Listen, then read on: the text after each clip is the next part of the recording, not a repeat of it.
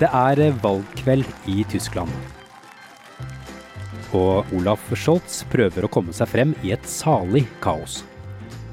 Journalister fra hele verden kjemper om plassen rundt ham og krangler med sikkerhetsvakter for å komme nær nok til å stille spørsmål og ta bilder. Midt i kaoset går 63-åringen Olaf selv og drikker av et stort ølglass. Angela Merkel er snart politisk historie. Nå ligger alt til rette for at sosialdemokraten Olaf Scholz kan bli sjef i Europas mektigste land.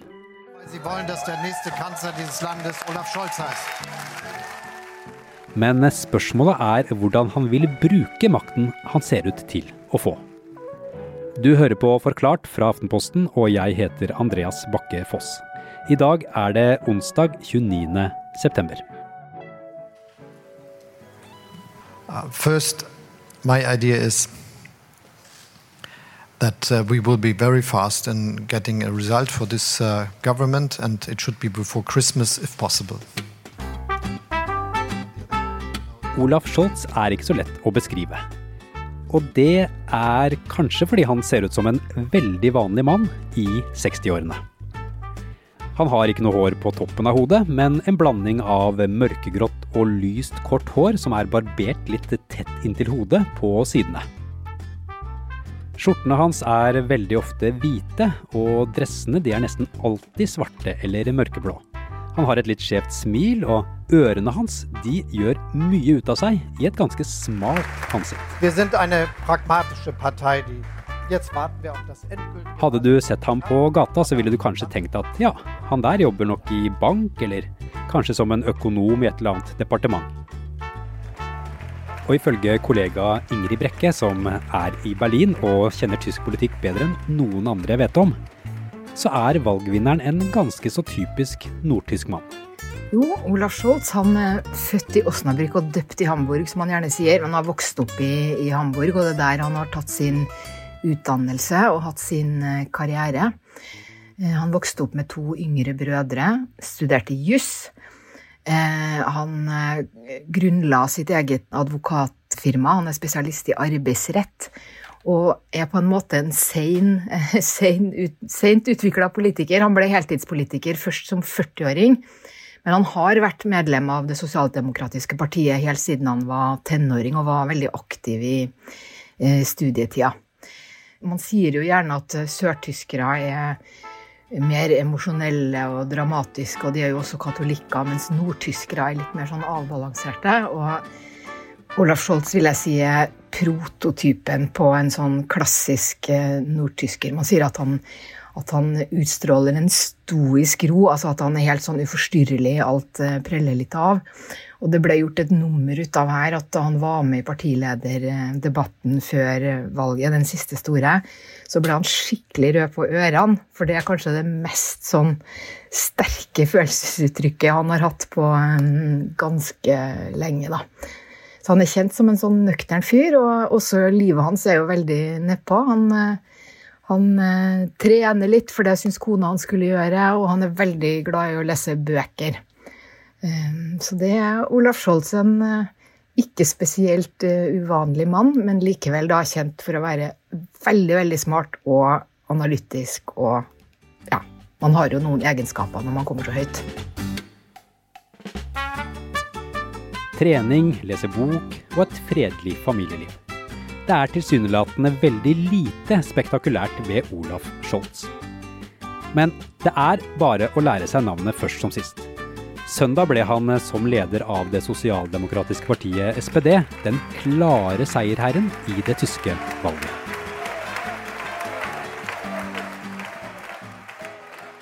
Ingrid Scholz omtales jo som en overraskende vinner av eh, valget i Tyskland. Hvorfor det?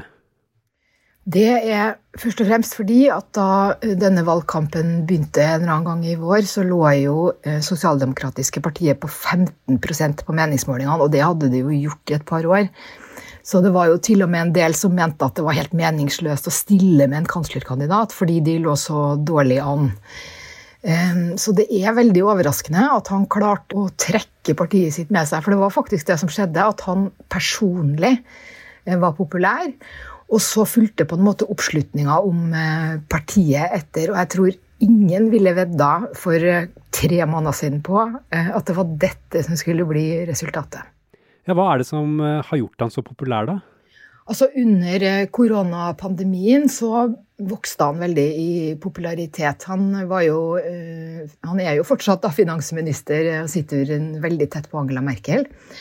Eh, han kunne åpne pengesekken og love at staten skulle trå til hvis det trengtes. Og samtidig så utstrålte han dette som gjør at tyskere er så begeistra for Angela Merkel. Altså at han er rolig, avbalansert, dypt forankra i sentrum og fremstår som en slags sånn sunn fornuft. Og dette klarte han da å spille på under valgkampen. At han iscenesatte seg selv som en slags sånn Merkels egentlige arvtaker.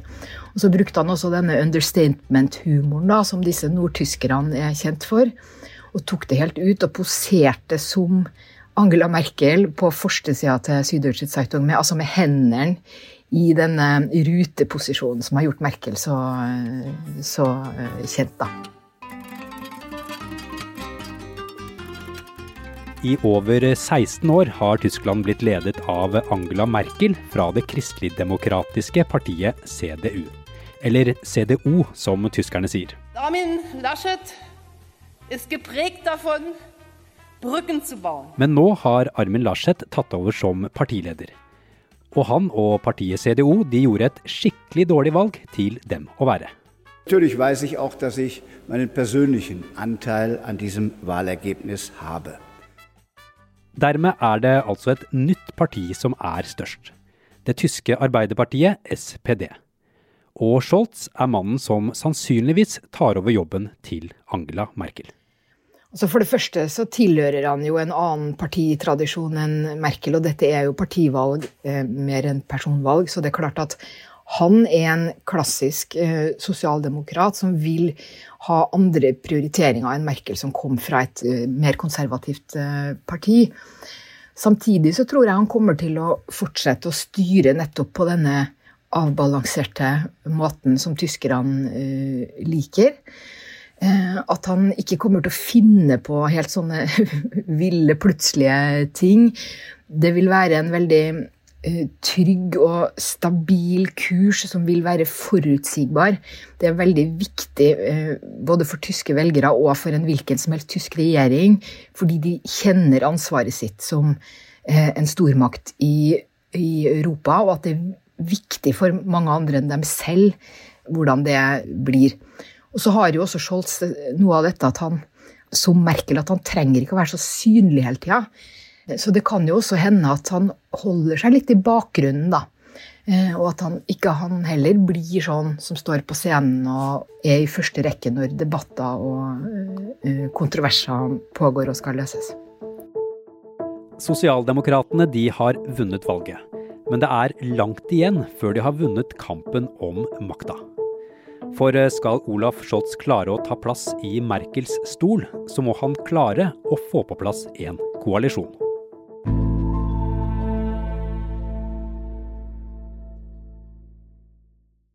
Ingrid, hva er det sosialdemokratene SPD står for egentlig? Er det litt som Arbeiderpartiet her hjemme i Norge?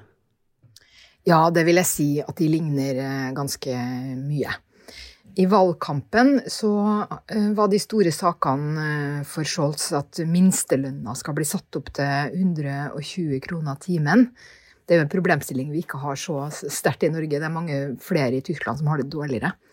Og det var da også Scholz og SPD som fikk innført eh, minstelønn i Tyskland, sjøl om det ble Merkel som fikk æren fordi hun var regjeringssjefen. Og ellers har de vært opptatt av pensjoner og boliger. Eh, at folk skal ha råd til å bo har vært viktig, eller er viktig i et land der veldig mange leietakere og husleiene øker. Så det er sånne sosiale temaer de har eh, kjørt valgkamp på. Men hvordan vil Scholz bruke denne makten han nå har fått, da? Altså, jeg vil jo tro at han vil prøve å, å få oppfylt eh, noen av disse valgkampløftene. Altså en, en viss omfordeling i et samfunn der spriket, sprike mellom rike og fattige har økt. Han har jo ikke sagt så veldig mye eh, konkret foreløpig. De skal jo forhandle, eh, forhandle om regjeringskoalisjoner. Men så sa han at Sosialdemokratene skiller seg fra kristeligdemokratene i at det at det er et moderniseringsparti. Altså at de ser fremover og sånn. Og jeg tror at det betyr at uh, han gjerne vil få til noen ganske store sånne reformer. Og et eksempel på det kan jo være at uh, digitalisering Altså i Tyskland har jo uh, de har kommet utrolig kort når det gjelder digitalisering. Det ble veldig synlig i koronapandemien. Leger sendte faks til hverandre, altså telefaks, som kanskje mange i Norge ikke lenger vet hva er. Og for mange skoler var det faktisk vanskelig å i det hele tatt klare å få til nettundervisning. Nå starter dragkampen om hvem som skal bli Tysklands nye forbundskansler. Morgenen etter valget så sa Olaf Scholz at han vil regjere sammen med to andre partier. De Grønne og liberale FDP. Sosialdemokratische Partei, die Grünen und die FDP han mener de tyske velgerne har gitt alternativet med Sosialdemokratene, De Grønne og FDP et klart mandat, fordi alle de tre partiene gikk frem i valget. Altså De Grønne, innholdsmessig så står de jo for ganske mye av det samme vi kjenner fra Miljøpartiet De Grønne her hjemme. Altså Klima og miljø er absolutte kjernesaker. Men forskjellen eh, fra MDG er jo at de tyske grønne er veldig erfarne og kanskje en god del mer pragmatiske. De er vant til å sitte i regjering både på delstatsnivå, og de har også sittet i regjering tidligere på nasjonalt eh, nivå. FTP er et eh, liberalt parti som kanskje ligner litt på det norske Venstre, bare at de er mer opptatt av næringsliv og, og økonomi. De har skattepolitikk som en slags hovedsak, og de har lovt nå at det ikke skal bli skatteøkninger. Og de er også ganske opptatt av ny teknologi og, og digitalisering. Men nå trenger eh, altså tre partier da, å samarbeide eh, for at eh, Scholz skal få den makten han ønsker seg. Kan det gå? Ja, det tror jeg. Altså, i, i tysk politikk er man veldig sånn øh, konsensusorienterte, og de føler nok også ganske på dette ansvaret om at man må få dette til. Og det har allerede begynt veldig smått. Da. Altså de Grønne og, og, FTP har sagt at nå skal de først eh, snakke sammen. Og det er jo egentlig en litt sånn rar eh, situasjon at det er de to små partiene som på en måte kan bestemme seg hvem av de store de vil eh, gå til. Og De Grønne og FTP det er ganske forskjellige partier, men de kjenner hverandre ganske godt. De regjerer sammen i to delstater og har snakka mye sammen. Eh, og det tror jeg gjør at sannsynligheten for eh, at de lyk lykkes, eh, kan altså blir større. Og så la jeg merke til at de har begynt å snakke om at de skal finne noen prosjekter. Og det tror jeg er et signal om at man prøver å unngå litt sånne store ideologiske retningsspørsmål, men man vil heller bli enige om at det vil vi få til, f.eks. da i en digitalisering, eller dette innen klima. Og da det tror jeg øker sannsynligheten for at de kan lykkes. Kan det være sånn, Ingrid, at det blir noen andre enn denne øldrikkende Scholz som, eh, som blir forbundskansler i Tyskland til slutt? Altså Armin Laschet, taperkandidaten til Kristeligdemokratene, har, har jo ikke gitt opp. Han har ikke engang gratulert eh, Scholz med seieren, fordi han mener at begge de to store partiene gjorde det så dårlig at ingen av dem har fått mandat fra velgerne til å danne regjering. Keine Partei kann aus diesem klaren Ergebnis für sich einen Regierungsauftrag ableiten. Så man kan jo se for seg at dersom forhandlingene med Scholz skjærer seg, så prøver FTP og De Grønne å snakke med Kristeligdemokratene i stedet. Da kan jo Armin Laschet bli kansler. Men jeg tror det virker nå dag for dag som det blir mindre sannsynlig, fordi CDO etter dette enorme valgnederlaget, de er et parti i full krise ikke spesielt fristende for noen å sitte i regjering med et parti som krangler internt og virkelig har gått på en ordentlig, ordentlig smell.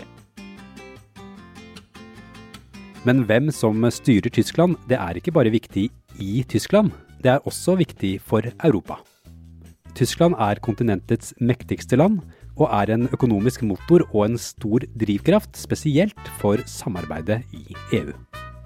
Altså, I Tyskland er det sånn at uansett hvem som eh, sitter i regjering av disse sentrumspartiene som nå er med i maktkabalen, så er utenrikspolitikk viktig, og ikke minst er det å holde Europa samla en sånn første prioritet.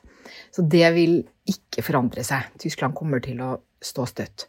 Samtidig er det jo sånn at hvis disse politiske maktkampene og hvilken regjering man skal ha, hvis den prosessen tar veldig lang tid, så blir jo Tyskland veldig opptatt av seg selv. Eh, og det blir mindre tid eh, til å se utover eh, og, og, legge en utenrikspolitikk, og vanskelig for alle andre rundt å forholde seg til dem.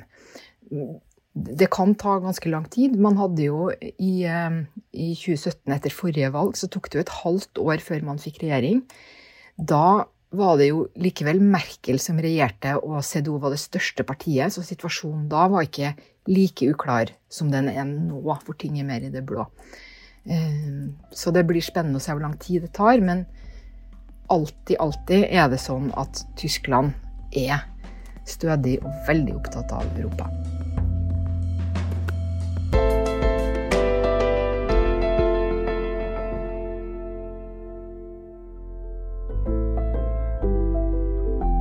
Denne episoden er laget av produsent Anne Lindholm og meg, Andreas Bakke Foss.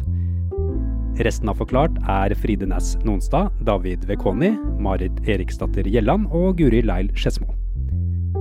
I denne episoden har du hørt lyd fra nyhetsbyrået AP.